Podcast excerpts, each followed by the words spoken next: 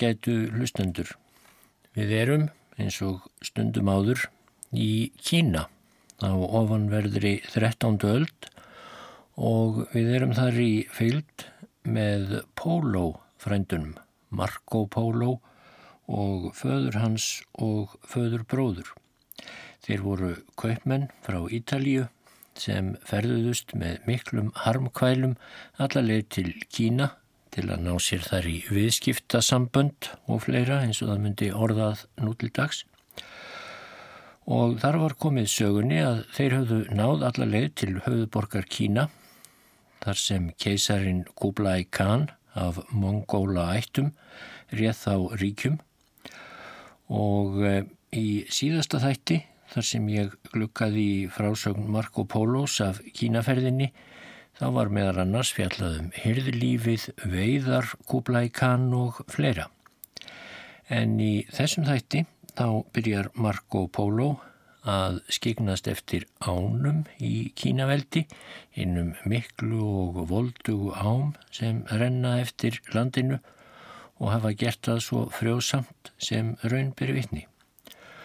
Þegar farið er frá stórborginni Taigín, segir í bók Marco Polos, og haldið áfram um það byrj 20 mílur vegar, er komið að fljóti er nefnist Karamóran eða Hoang Ho. Fljót þetta er svo breytt og djúft að ekki verður komið föstum brúm yfir það. Á bökkum þessa mikla fljóts er mikil fjöldi borga og þorpa. Þar búa kaupmenn er reyka umfangsmikla verslun.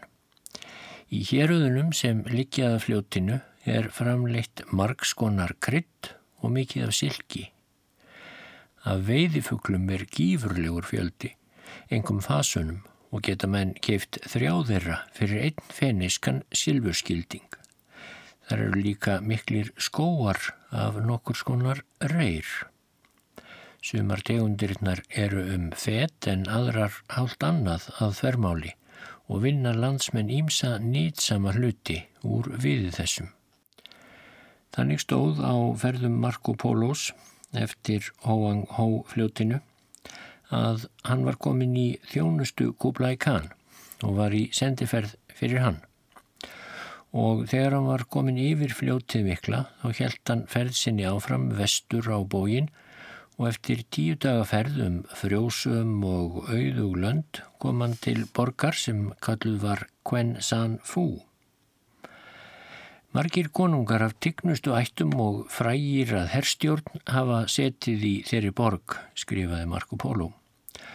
Um þær myndir þegar hann var á ferðinni, þá satt Mangalú, þriði sonur Kublai Khans þar að völdum sem undir konungur.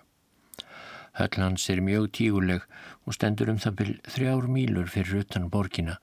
Í höllinni er fjöldi sala og herbergja sem skreitt eru gulli, safírbláum steinum og fegursta marmara en umhverfis hana eru fagrir aldingarðar með nýðandi lækjum og gósbrunum. Mangalú er réttlátur stjórnandi fullir þér Marco Polo og elskaður af fjóðsynni en það keppir hann í öllu að því að feta í fótspor síns virta föður. Mangalú hefur mikið indi af veiðum rétt eins og fadir hans bæði með hundum og haukum. Quan San Fu er mikil verslunar og eðnaðarborg. Þar er framleitt mikið af rásilki en auk þessi hertíi af mörgum gerðum og nægð matvæla. Í lýsingu sinni á borginni getur Marco Polo þess aukin heldur að í borginni búi allmart kristinamanna. Upplýsingar þessar eru aðtiklisverðar því að það var í nákvæmni borgarinnar sem menn fundu síðar. Margum talaðan Nestors stein frá árinu 781 eftir Krist en áleitrun á þeim steini er auður læs og ítarleg og sínir að á áttundu öld voru fjölmargir kristnir söpnuður í þessum hluta kínaveldis og voru flestir ef ekki allir af svo nefndri Nestorsgrein kristinnar trúar sem borist hafði út frá miðusturlöndum á fyrstu öldum eftir Krist spörð. Frá Kvensan Fú, höfðborg Mangalús, helt Marco Polo áfram ferðsinni til vesturs. Leiðans likur ímist um frjósamar og þjettbílar sléttur eða skóivaksið fjallendi þar sem er fjöldi villidýra. Tígristýr ráfaðum allt, byrnir, gaupur, antilópur, hirtir og önnur villidýr og eru íbúinum til mesta gagns, segir Marco Polo. Í fjallendinu eru hér og þar góður gististaðir handa ferðamönnum. 20 daga likur leiðin yfir fjallendið, uns komið er á þjettbíla sléttu og til borgar þeirrar er Akh-Balík nefnist og þýðir það Kvítaborgin. Hún stendur á landamærum Mansi fylgis í söður Kína. Í héröðum þessum er ræktað mikið af engifer sem kaupmenn kaupa með ágætum ágóða og selja viðsvegar um Kína. Að nýju heldur ferðin svo áfram um 20 dagleiðir yfir fjallendi uns Marco Polo kemur til hinnar fornfrægu borgar Sindi Fú. Þar segir hann frá því að síðasti þjóðhauðingin í þeirri borg hafi skiptin í með múr í þrjáhluta og skildu sínir hans þrýr taka við stjórn hvers borgarhluta en síðan vann Stór Kanin eða keisarin Kublai Khan allt fylkið og höfuborgina með og innleimaði hvortvekja í ríkisitt. En þessi borg er sundur skorinn af fjölda fljóta sem koma úr fjallendinu skamt frá og breyðum skurðum. Flest fljótanna eru hálrar mílu breyð og mjög djúb en fagrar steinbrýr liggja yfir þau. Það reynir sér ekki á frásögn Marco Pólos að hér er feneingur og ferð sem minnist brúana á síkjunum í ættborgminni, segir hann, og gleðst við að finna svo fjari áttugunum jafn príðilegar brýr og heima hjá mér. Og þess má geta að sumir eru ekki alveg sannfærður um það að bók Marco Pólos sé byggð á hans eigin ferðalagi um Kína, ekki nema þá kannski að litlu leiti, en það eru þó kablar eins og þessi sem færa flestum heim sannin um það að bókin hljóti að vera byggð á hans eigin upplifun. Aðrir en feneingar hefðu valla haft slíka nöytn af brúm. En lýsing Marko Pólos á brúnum þar í borginni er svo hljóðandi. Fram með báðum hliðum brúna endilöngum eru raðir marmarasúluna sem bera upp í þakið því að tréþak er yfir brúnum öllum þar málað rauðum lit og lagt tígulsteinum. Kaupmenn hafa búðir sínar og söluskála á brúnum og þar er ekki verstlun með hverskonar vörur. Eitt af smáhísunum á brúnni er stærra en hinn Þar dvelja þeir embættismenn sem taka toll af matvælum og öðrum vörum og skatt af hverju manni sem fer yfir brúna. Þannig fær keisarin daglegar tekjur sem nema hundruði bísanskra gillina. Fljót þessi renna svo saman nokkru fyrir neðan borgina og mynda stórfljót sem nefnist Kvíang en það er þverá sem rennur svo að endingu í Yangtze-Kiang fljótið eða sjálft Gulafljót og rennur um hundrað dagleiða langan veg út í sjó. Á leiðsynni um þetta fylki segir Marco Polo frá fjöldaskipa sem er á leið niður fljótið og eh, eru fermt alls konar vörum. Þá getur hann einnig um mikið af þorpum og bæjum á víðsvegar á dreifum landið og segir að landsmenn lifi aðalega á Akuryrkju en íbúar höfðborgarinnar á margskonar yðnaði sérstaklega á því að framleiða næfur þunna silkidúka og slæður. Marco Polo hefur nú smátt og smátt þokast svo langt vestur á bógin að hann er komin að vesturlandamærum hins eiginlega kínaveldis í námunda við Tíbet. Tíbet lautum þær mundir valdi kýmverja og þangað kom Marco Polo eftir fimm daga för frá höfuborginni Sindi Fú og á þessari ferð þá var Marco Polo meðal annars ætlað að sapna upplýsingum í skýrslu um ástand mála sem hann átti síðan að leggja fyrir Stórkanin eða keisaran, Kublai Khan og ef hann hefur verið jafn opinskár í skýrslu sinni til keisarans og hann er í bókinni sinni, þá hefur svo mynd sem keisarin fjekk af Tíbet ekki verið mjög uppörfandi. Þetta fylki hafi verið ílla leikið og í raun lagt í rústir þegar mongóla drottnarinn Mangu Khan fór um það herskildi. Á tíu daglega ferð Marco Polos um Tíbet blasti ekkert við auganu nema rústir af þorpum og borgum. Þar sem landsmenn voru ornir svo fáir sem raunbar vitni eftir hernað Mongóla þá hafði villidýrum, ekki síst tíkristýrum, fjölgað svo mjög að stór hætta var búin af þeim á nóttunni fyrir kaupmenn og raunar alla ferðamenn. Þegar farið var fram hjá dvalarstöðum tíkristýrana þá þurfti að geta mestu varkárni ef menn vildi ekki eiga það á hættu að fararskjótarnir og jáfnvel menn sjálfur eruðu jetnir upp til lagna. Í héruðum þessum, engum í námdveið fjöllin, vex eins konar reyrplanta, bambus, sem er tíu álunir á hæð, þrjár spannir að ummáli og aðrar þrjár á milli liða. Ferðamenn binda þennan reyr saman í knippi meðan hann er ungur og græn. Á náttstað á kvöldin er knippunum komið fyrir hæfilega langt frá tjaldinu og eldur svo borin að. Við hittan springur reyrin með braki og brestum Hávaðin er svo magnaður að hann heyrist í tveggja mílna fjarlagð. En þetta er gert til að fæla burtu villitýr og ekki síst tígristýrin. Í 20 daga ferðaðist Marco Polo um óhugnanlegar fjallauðinir í Tíbet þar sem hvergi var gististadur og sjaldan færi á að endur nýja matarforðan. Þá fór hann að koma auða á kastala og virki á fjallabrúnunum hér og þar uns hann koma lókum til byggðra og rektaðra hér aða. Um íbúana í þessum fylgjum fer Marco Polo þeim orðum að þeir hafi svo blíðunar lausar siðvenjur að þær geti aðeins hafa orðið til með formirkvun skurðgóðadýrkunar.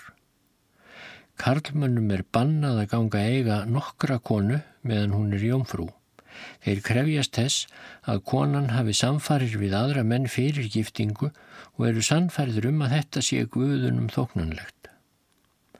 Þegar kaupmannslest kemur og setur tjöld sín í áfangastað þá koma því mæðurnar með dættur sínar sem komnar eru á giftingaraldur og keppast allar um að fá áhyrn hjá komumannum og byggja þá að annast dættur sínar, þar að segja gamna sér við þær meðan þeir dvelja í héræðinu og þær stúlknarna sem eru gyrnilegastar og fegurstar ganga auðvitað fyrir en hinnar fara gramar og kurrandi heim.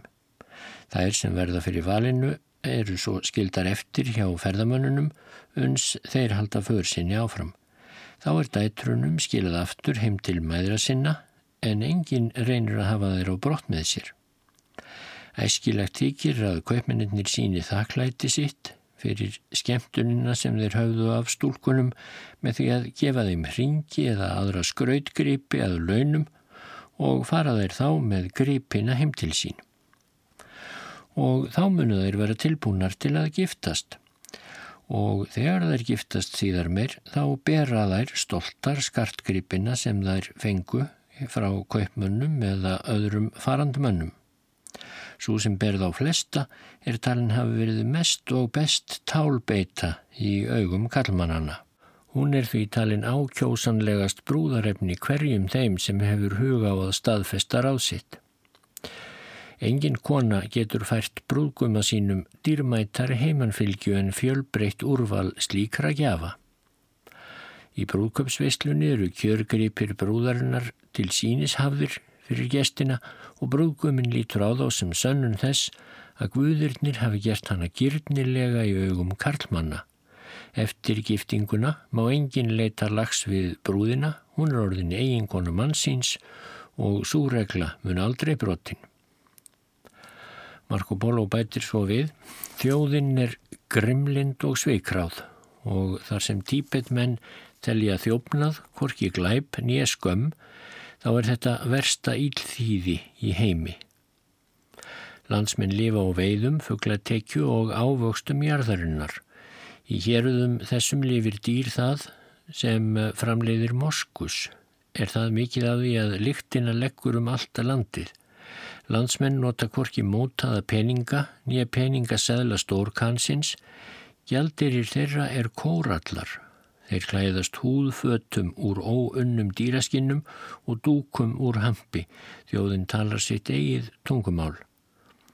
Í landinu er margt um ár, vötn og fjöll og í farvegum fljótana er gnægð af gullsandi. Að lokum fer Marco Polo nokkrum orðum um fræðar orð það sem hann segir fara af tíbetbúum fyrir fordæðuskap. Landsmenn eru, segir hann, afburða galdramenn og með aðstóð djöfullegra galdrabræða geta þeir gert undarlegust og fjárstæðustu fórinju verk sem hægt er að hugsa sér eða höfð hafa verið á orðspori nokkuru sinni. Þeir geta látið óveður dinja á með þrumum og eldingum og þeir eru liknir í mörgum öðrum töfrabröðum. Þjóðin er öll einn þorpara ætt. Tíbet búar eiga hunda sem er á stærði astna og svo sterkir að nota má þá til hvers konar dýraveiða, engum villinauta veiða. Villinauð þessi kallaðir beja míní, þau eru ræðilega stór og ævintýralega vild. Það segir sig næstum sjálft að þeir sem efastum sannleikskildi bóka Marco Polos eða stórs hluta hennar. Þeir hafa sitt hvað fóður í þessari litskrúðugu lýsingu af Tíbet. En hvað sem því líður Marco Polo á enn langa leið framundan áður en hann er búin að ljúka þeim erindum sem stór kannin eða Kublai Khan fólunum á hendur Fyrstum sinn likur leiðans um önnur fjarlægustu landamærahéruðin sem byggðir hálf viltum þjóðflokkum. Frá Tíbet fór hann söður á bógin til Kændu fylgis en skamt frá höfuborg þess er mikið saltvatn. Í því vatni er svo mikið af perlum, segir hann, að stórkannin hefur fyrirskipað að engin megi veiða perlurnar án sérstags leifis, annars myndu þeir verða gjörsamlega verðulöysar einfallega vegna þess hver mikið er af þeim og hver ákaft frambóðið yrði á þeim ef allir færu að fiskaður upp úr vatninu. Í fjalleginu í grendinni er svo mikið af tyrkjasteinum svo kalluðum sem sama regla gildir um. Það er bannað að heyrða þá. Marco Polo er jafnan í frásögn sinni glögg skign á allt sem lítur að verslun og hann segir að íbúar fylgisins noti ómótaða og óinnsiklaða gullstöngla í peningastað en salt notiðir aftur á móti fyrir skiptimynd. Í landinu eru saltar uppsprettur og er saltið unnið úr vatninu við eimingu og mótað í harðar saltkökur. Sér hver slík kaka ber innsikli stór kansins og engir aðrir en ennbættismenn hans mega búa þær til. Fyrir eitt sagjó af gulli eru greittar 80 saltkökur. Kaupmenn flytja svo þessar saltkökur til annara landa þar sem saltskortur er og selja 40 til 50 af þeim fyrir eina sagjó gulls eða gullsands, moskus eða hverja þá vöru sem er seljanleg og íbúanir vilja skipta á fyrir saltið. Eftir 15 daga ferð suður eftir þessu landi fór Marco Polo svo yfir Bríusfljótið sem hann kallaði svo en það rann á landamærum fylgisins í Kaindu fylgi er margt um moskustýr, tíkristýr, byrni, hirti og villifugla. Og Marco Polo byrjar þá ferð sína um hefð mikla Karain fylgi eða Yunnan sem nú mun vera kallað en þar er sonarsonur Kublai Khans landstjóri. Sá er auðugur, göfugur og voldugur þjóðhauðingi, skrifar Marco Polo, og stjórnar ríki sínu af skörungskap og réttlæti. Eftir fimm daga ferð frá fljótinu kom Marco Polo til höfuborgarfylgisins Jasi. Íbúar borgarinnar eru sömur skurðgóðadýrkendur en aðrir eru kristnir og fylgja kenningu Nestors En loks eru komnir þarna Múhameðs trúar menn líka eða múslimar eins og við köllum þá nú.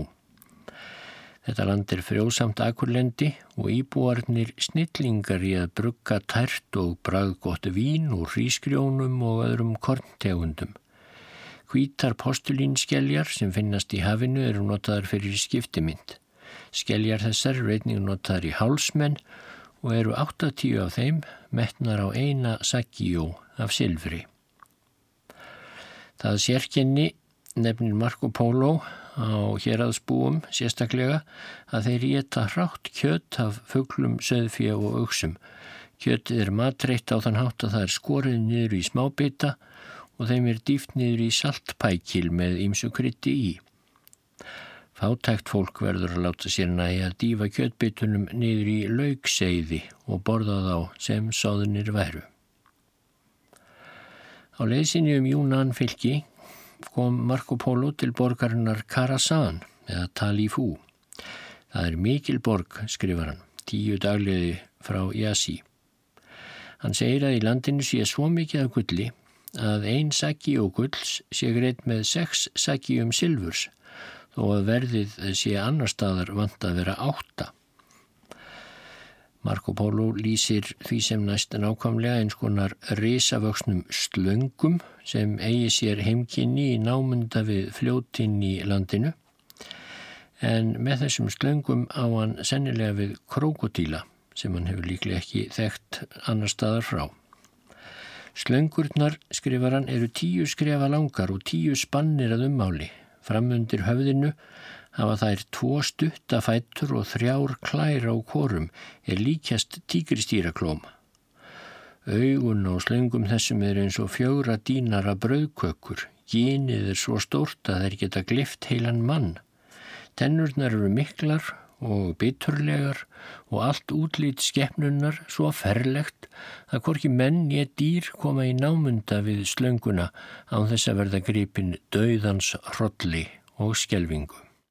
Þessi skrimsli eru veitt í fallgrifjur og með járngöttum sem festir eru við hæla og faldir í sandinum.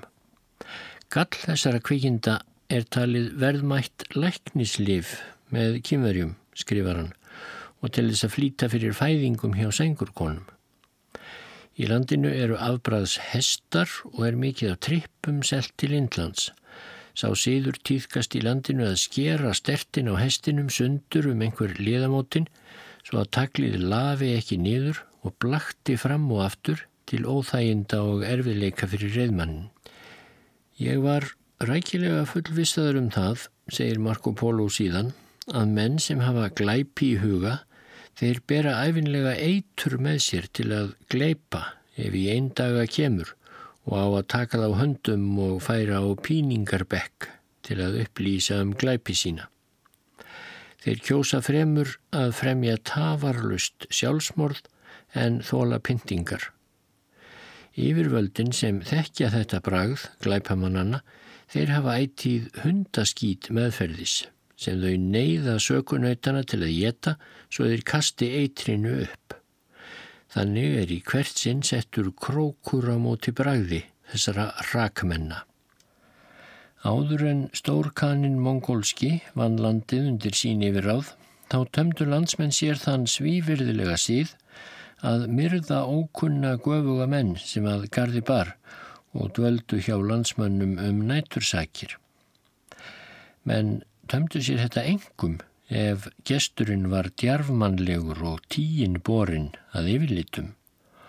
Og ótrúlegt nokk þá var morðið ekki framið til að ná fjemunum gestsins, heldur til þess að andi hans, higgjindi og aðrir góðir eiginleikar erðu eftir á heimilinu og bóðuðu heill og hamingju í framtíðinni. Margir góðir ferðamenn letu lífið af þessum orsökum. En síðan Kublai Khan tók við ríkjum þá hefur hann reist rammarskorður við þessum fúlmannlegu og andstíkilegu fantabröðum. Og venja þessi er nú liðin undir lok, segir Marco Polo, vegna þungra refsinga sem við slíku voru lagðar.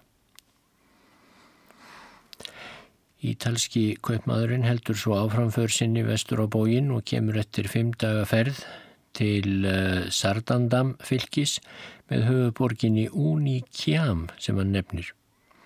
Og líklega er hér átt við borgina Yuanchang nálagt vesturlandamærum Yúnan fylgis. Þarum slóður er gull svo ódýrt, segir Marco Polo, að saggi og gulls er grein með fimm saggi um silfurs hafa kaupmenn því góðan haga því að flytja silfur til landsins. Meðal Karla og Kvenna í þessu landi týðkast sá síður að þekja tennur sínar þunri gullhúð sem er nákvæmlega feld eftir gerð tannana og setur hún þar först upp frá því.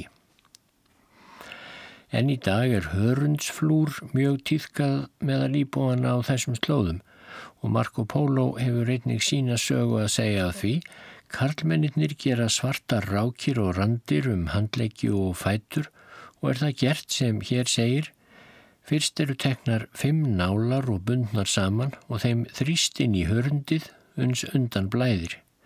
Því næst er núið svörtum liti í stungurnar og fer hann ekki af aftur. Þessar tekningar á húðin eru taldar heið fegursta skart. Karlar skeita ekki öðru en útreiðum þarum slóðir, veiðum og öðru er snertir vopnaburð og hermensku en konur gæta bús og barna með aðstóð þræla. Sá undarlegi síður týðkast meðal þjóðarinnar á þessum slóðum að þegar kona elur barn þá fer hún strax á fætur, laugar barnið og reyfar en maðurinn fyrir í rúmið, tekur við barninu og annast að hálfan mánuð á eftir. Á meðan koma vinur og vandamenn í heimsókn og óska manninum til hamingi með barnið en á meðan annast móðurinn heimilistörfin, færir manninum mat og drikka á sangina og gefur barninu að sjúa við hliðans en aðtiklinn beinist annars öll að honum. Í landi þessu eru engin hof nýja skurðgóðamyndir forfæðir ættarinnar er tilbeðin og honum er alltaf þakka eða kenna ef svo ber undir. Landsmenn kunna ekki að skrifa sem tæplegur von þegar litið er ákveð landiðir hrjóstrugt, fjallend og skói vaksið. Á sumrin er loftslægið mollulegt og óholt svo að kaupmenn og aðrir aðkomumenn verða að hverfa á brott ef þeir vilja lífi halda. Þegar innfættir mennum þessar slóðir eiga einhver vestlunarviðskipti og þurfa að aðfenda skuldaviðurkenningu þá tekur höfðingið þeirra trétening og klýfur hann í tvent. Á báða hluta er risað merki sem gefur til kynna skuldar upphæðina. Aðilatnir fá svo sinn hlutan kor af teningnum og halda honum uns skuldin er að fullu greitt og lántakinn fær báða hlutana. Eru þeir þá skildir að skiptum og báðir ánæðir með leikslokkin. Aðtiklisvert er að Marco Polo segist hverki hafa orðið var við menn sem báru skinnbrað á lækningar í þeim borgum sem hann heimsótti í þessari ferð. Hann segir frá því að menn leiti bara til töframanna ef einhver af höfðingjum landsins veikist og töframennir færa skurðgóðum fornir og því næst er leikið á hljóðfæri með glamri miklu og háfaða og dansað og sungið skurðgóðunum til dýrðar en aðrar lækningar verðast ekki týðkast svo hann hafi séð til og hann lýsir hinnum viðhafnar miklu helgisíðum og fórnum sem hafðar eru um hönd til að særa ítla anda út úr sjúklingnum og verður loksað orði og þannig leikur djöfullin með þetta villu ráfandi og ógæfu sama fólk. Marco Polo var nú kominn til istu endimarka hins viðlenda ríkis Stórkansins og nálgast Míen. En það er gamla kýmverska nafnið á Burma eða Myanmar sem nú heitir. Og þar lýsir hann á áhrifamikinn hátt stór orustu sem háð var millir mongólahers og hérna ágætu fílahersveita konungsins í Míen. Frásögnin er auksínlega gerð eftir bestu heimildum, orustu lýsingin er í eh, stuttumáli á þessa leið. Það var árið 1272 sem Stór Kanin sendi herr til landana Vósian og Karasan til þess að vernda þau fyrir herrlaupum framandi þjóflokka. Þegar konunginum í Mien og Bengala eða Bengal sem nú heitir Bangladesh, þegar honum barst herrsaga þessi til erna þá ákvaðan strax að láta til skarskríða og ráðast móti herr Mongóla. Konungur þessi var voldugur þjóðhauðingi, réði yfir miklum auðæfum og þétt bílu landi. Hann dró saman óvígan herr með fjölda fíla en af þeim er ókrinni í landinu. Á bögfílana voru settir eh, timburturnar og rúmaði hver þeirra 12 til 16 hermin. Og hér verður að geta þess að sútala er auðvitað fráleit. Menn á þessum slóðum nótuðu vissulega fíla til hernaðar og byggu jafnan til litla turna á baki þeirra. En að þar hafi komist fyrir svona margir hermin, það er vitaskuld fjari öllum sanni. En látum það líka millir hluta og í frásögn Marko Pólus segir næst frá því að konungurinn í Mían hafi farið sjálfur gegn mongólska hernum og verið í brotti fylkingar með mikinn fjölda fótgönguliðs og ryttara. Þegar herfóringja Mongóla, Nestkardína nafni, barst bóðskapur um að kongurinn sjálfur væri komin til mótsviðan með svo mikinn herr Þá var þann slegin óta þótt hann væri annars djarfur og þraut reyndur hermaður. Sjálfur hafðan að þessu sinni ekki nema 12.000 hermenn til reyðu en fjandmennir í liði Mían konungs hafðu 60.000 manna lið auk 800 fíla. En nestkardín helt þó ótröður áfram niður á slettuna við Unsíam og skipaði þannig liði sínu að þéttur skóur var á aðra hlið hersins svo að hermennir gáttu leita þar skjóls fyrir æðandi árásum fílana. Því næst helt hann kvartningarræðu til hermanna sinna og lauk henni með heiti um ágætan sigur sem menn hans myndu vinna þar í dag. Míens konungur skipaði líði sínu til orustu með fílunum fremstum en ritturum og fótgönguliðum að baki. Kongurinn helt einnig kvartningaræðu til hermana sinna og skipaði svo fyrir að allir herlúðrar og bumbur skildu gjalla og lagði svo upp með hersinn til djarflegrar allögu gegn mongólum sem virtust ætlað býða kyrrir átækta.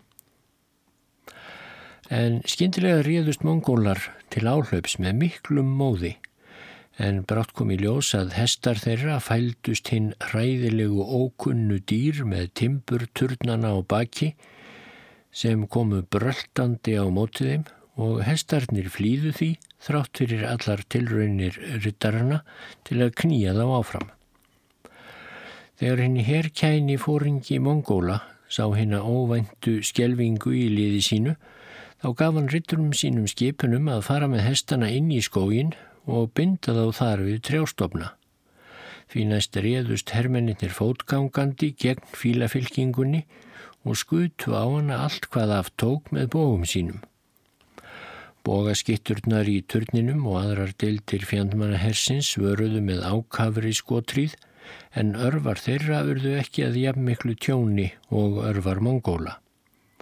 Mongólar skutaðu meira afli og beindu skeitum sínum aðeins gegn fílunum því svo hafði fóringi þeirra fyrir mælt. Þess var skamt að býða að hernaðar gæfan snérist á vývellinum og nú voru það fílarnir sem urðu gripnir hræðslu og tróðu nýður herfylkin að baki sér, stjórnlausir og örvita og flótta undan örvaregninu. Við þetta allt komst los á hersveitir konungsins í mýjan Herfóringjar hans gáttu korki með lægin að valdi komið nokkur í skipan á lið sitt, óðir af óta við sárin og heróp fjandmannana sem geistust fram, riðluðust raðir fílanna og fílarnir ruttust hver í sína áttina, gerðsamlega stjórnlausir, unst þeir að lokum réðust vitfyrtir af bræði og skjelvingu inn í skógin, annar staðar en þar sem mongólar voru fyrir. Timburturnarnir á baki þeirra móluðust með brauki og bramli í áreikstrum við lágar greinar og trjástofna og dróðu til dauða fjölda þeirra sem í turnunum á fílsbakinu voru. Þegar mongólar sáu fjandmannaliðið riðlast svo mjög þá stíguðir aftur á hesta sína og þeistu fram til áhlaups í þéttum fylkingum. Þó að Míens konungur og menn hans væru hraustir komist þér ekki í hálkvisti við mongóla í vikfeimi. Þegar hvorir tveggja voru búin að skjóta öllum sínum örfum hófst grimmasta návíi með sverðum og járnkilfum. Blóðið rann í svo stríðum ströymum að rillilegt var á að horfa og svo mikið var vopnaglamrið og svo hræðileg ópin og öskrin að hlotið hefur að heyrast til heimins, skrifar Marco Polo.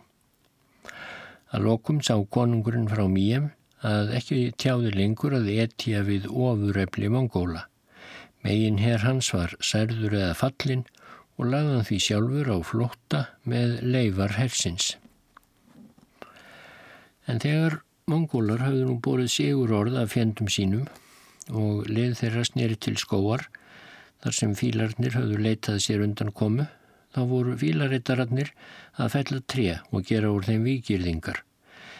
Þeir komu þó litlum vörnum við gegn mongólum og náðu mongólar á sitt vald 200 fílum með aðstóð manna sem kunnu að stýra þeim. Og síðan hafa mongólar æfinlega haft fíla í sínum eigin herr. Afleiðing þessa sigurs, lög svo Marco Polo frásögn sinni, var svo að hans hátign keisarinn í Kína gerðist tjóðhöfðingi yfir löndum konungsins í Mían og innlimaði Burma í ríkisitt. Og til Mían, eða Burma, lág næst leið Marco Polos og þangað heltan frá Sardandam fylki, þar sem íbúarnir eru hörundsflúræðir og með gullfeldar tennur. Marco Polo ferðaðist nú um breytt dalflæmi með fram Íravatti fljóttinu en þar eru haldnir þrýr stórmarkaðir í viku hverri og íbúar landsins koma frá heimilum sínum sem eru á torsóttum stöðum inn á milli fjallana og skipta þar á gulli og ymsum varningi er þeir hafa huga á þeignast og falur er á markaðnum. Frá Sardandam eru 15 dagleiðir til landamæra Indlands. Leiðin liggur þá til söður svo er farið um óbyggð héruð sem eru vaksinn miklum skóum þar sem býr fjöldi fíla, nasirninga og annara villidýra. Hvergi eru neynir mannabústæðir þar um slóðir fyrir en komið er til hinnar fáru höfðuborgar í Mían sem stendur á frjóri og þjettbíli sléttu á söð-austurbakka Irravati fljótsins, skamtar frá sem borgin Mandalay stóð síðar. Og í þessari fornu höfðborg Burmakonga festir Marco Polo engum hugan við tvo forkunarfara turna sem reistir eru á gröf einhvers löngu látins fornkonungs Annar törnin er allur þakin þumlungsþykkum gullplötum en hinn silfurplötum jafnþykkum. Á toppi hvers törns er komið fyrir kúlu en á henni eru gull og silfurbjöllur sem ringja sér sjálfar þegar vindurinn bærir þær. Grófin sjálf er einnig þakin gull og silfurplötum. Þetta er allt mjög fagurst á að líta segir Marco Polo, og þetta let konungurinn reysa til dýrðar sálsinni og einnig til þess að minning hans skildi aldrei líða undir lok. Þegar herr eh, keisarans í Kína hafði unnið mýjan og heldin í höfuborgina, þá voru bæði stjörnumistarar, mongóla og taframenn í feild með fyrirliðum hersins. Þegar þeir komu auga á þessa skrautlegu flúruðu turna þá vildu þeir ekki ákveðum örlug þeirra fyrir en búið var að ganga úr skugga um vilja stórkansins. Þegar Kublai Khan fekk að vita að hér væri um leghallir fornra konunga að ræða, þá gaf hann þá skipun að ekki mætti skatta turnana á nokkur nátt nýja gera þeim annan óskunda. Var það vegna þess að mongólar telja ekki sæmandi að snerta neitt sem hefur verið í eigu látins manns. Höfuborgin í Mien hefur sínilega verið lokatakmarkið á henni launguferð Marco Polos í þjónustu Stórkansins í þetta sinn. Í frásögn sinni getur hann að vísu ímissa nálægra landa en í svo fáum og óljósum dráttum að augljóst má telja að frásögnin þar byggist vissulega á ummælum annara manna en ekki því sem hann hafði sjálfur séð eða heyrt. Hann minnist á fylgið Bengal eða Bangala sem um, keisarunum í Kína hafi enn ekki tekist að brjóta undir yfiráð sín Það er auðútt og frjósamt land, segir hann, með blómlegri verslun. Þangað koma kaupmenn frá öllum hérðum innlands til þess að kaupa baðmull, engifer, sikur, nardus, galanga og margskonar verðmættar kryttegundir. Landsmenn hafa víða þann síð að láta þræla og geldinga gæta hvenna sinna, segir hann. Og hann segir líka frá eh, Kangi í Gúfylki sem likur fyrir austanmíinn og eru eftir vil héruðin umhverfis Mekongfljót, kannski Kambodía eða Laos, kannski Vietnám. Fylgi þetta geldur af frjálsum vilja árlegan skatt til stórkansins, segir Marco Polo. Konungur landsins eru með afbreyðum sælífur.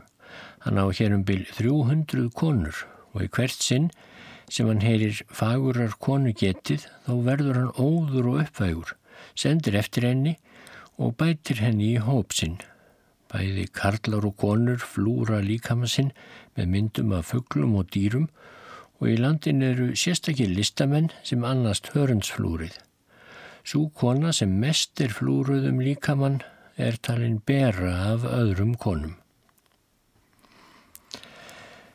Eftir því sem næstverður komist hefur Marco Polo farið nokkru austar á heimleiðinni til höfuborgar Kína keisara í þetta sinn.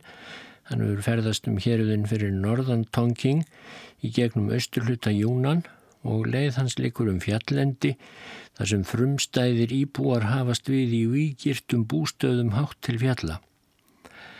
Það eru hraustar og herskáar fjallathjóðir sem hafa þá venju að brenna lík látinumanna þó að sá síður væri um þær myndir lagður niður í Kína og ímsum stöðum eru villidýrin, engum tíkristýrin, svo mörg og hættuleg að menn áræða ekki að sofa annar staðar en í þorpum eða húsuminni. Jáfnvel þeir sem búa í bátum úti á fljótunum verða að kasta akkerum langt frá bakkanum því dæmi eru til þess að tíkristýr hafi synt út í bátana og haft íbúana á brott með sér. Landsmenn eiga stærstu og viltustu hunda sem til eru Þeir eru svo sterkir og djarfir að maður vopnaður boga og örfum getur unnið á tíkristýri ef hann hefur nokkra af þessum hundum í förmið sér. En hafa hann enga hunda á hann engan möguleika gegn tíkristýrunum. Að lokum kemur Marco Polo til hinn að frjósumu og þéttbílu fylgja kínaveldis aftur eftir að hafa lokið försinni um torsóttur lönd byggð hálf viltu fólki eins og hann segir oft sjálfur. Þá er hann komin þangað sem vínirkja og verslun blómgast og pappirseðlar ganga á milli manna í viðskiptum. Á það leggur Marco Polo hvað eftir annað áherslu og hefur til merkisum að til menningar hér aða sé komið. Hversu lengi Marco Polo var í þessu ferðalagi og á hvaða árum það var segir hverki í bókans. En hann hefur komið úr þessari för með margvíslegan fróðuleik og upplýsingar sem keisaranum í Kína var mikill fengur að. Og óhætt mun að fullir það að þessi ferð hafi aukið hróður hins unga Ítala og átt sinn þátt í því að hann varð á næstu árum. Að minnstakosti að því er hann sjálfur segir einn af helstu mannum keisarans í Kína og brátt var hann sendur aftur á stað í erindum keisarans. Sem fyrir er ekki tilgreint nákvæmlega hver tilgangurinn var með ferðinni. En næsta ferðans lágum héruð sem nú nefnast Chili, Xiangtung og Qiangyang. Og héruðin sem Marco Polo fórum í það sinn eru frjósömmust af öllum héruðum kínaveldis. Og hvar sem leiðansláum eru annasamar fjölbyggðar verslunar borgir. Á breyðum fljótum úr og grúir af þungfermdum eh, verslunardjungum og á leðsinni fer Marco Polo yfir stórfljótið Gulafljót og fer um það svofeldum orðum. Fljót þetta er nægilega djúft til þess að stór skip með fullfermi geta farið um það. Í fljóttinu er gnægð af fiski og eru sumar tegundir hans mjög stórar. Lesandi minn verður að hafa það hugfast að mílu vegar frá ásum fljótsins eru hafnarmannverki fyrir 15.000 skip og eru þau öll úr skipastól Mongóla kesara. Á hverju þessara skipa er rúm fyrir 15 hesta og 20 menn auk skipshafnarinnar sjálfrar matarbyrða og annars útbúnaður. Skip þessi eru stöðugt reyðbúin til að flytja her til Indlandsegja ef þar skildi brjótast út uppreist eða nöðsin krefst þess að gerður sé út herleiðangur til fjarlægra fylgja. Það er nú svo að þóttu Marco Polo hafi fram að þessu upplifað miklar förður í Kínaveldi og á ferðum sínum þá var hann rétt að byrja og kannski þá segi ég setna betur frá því.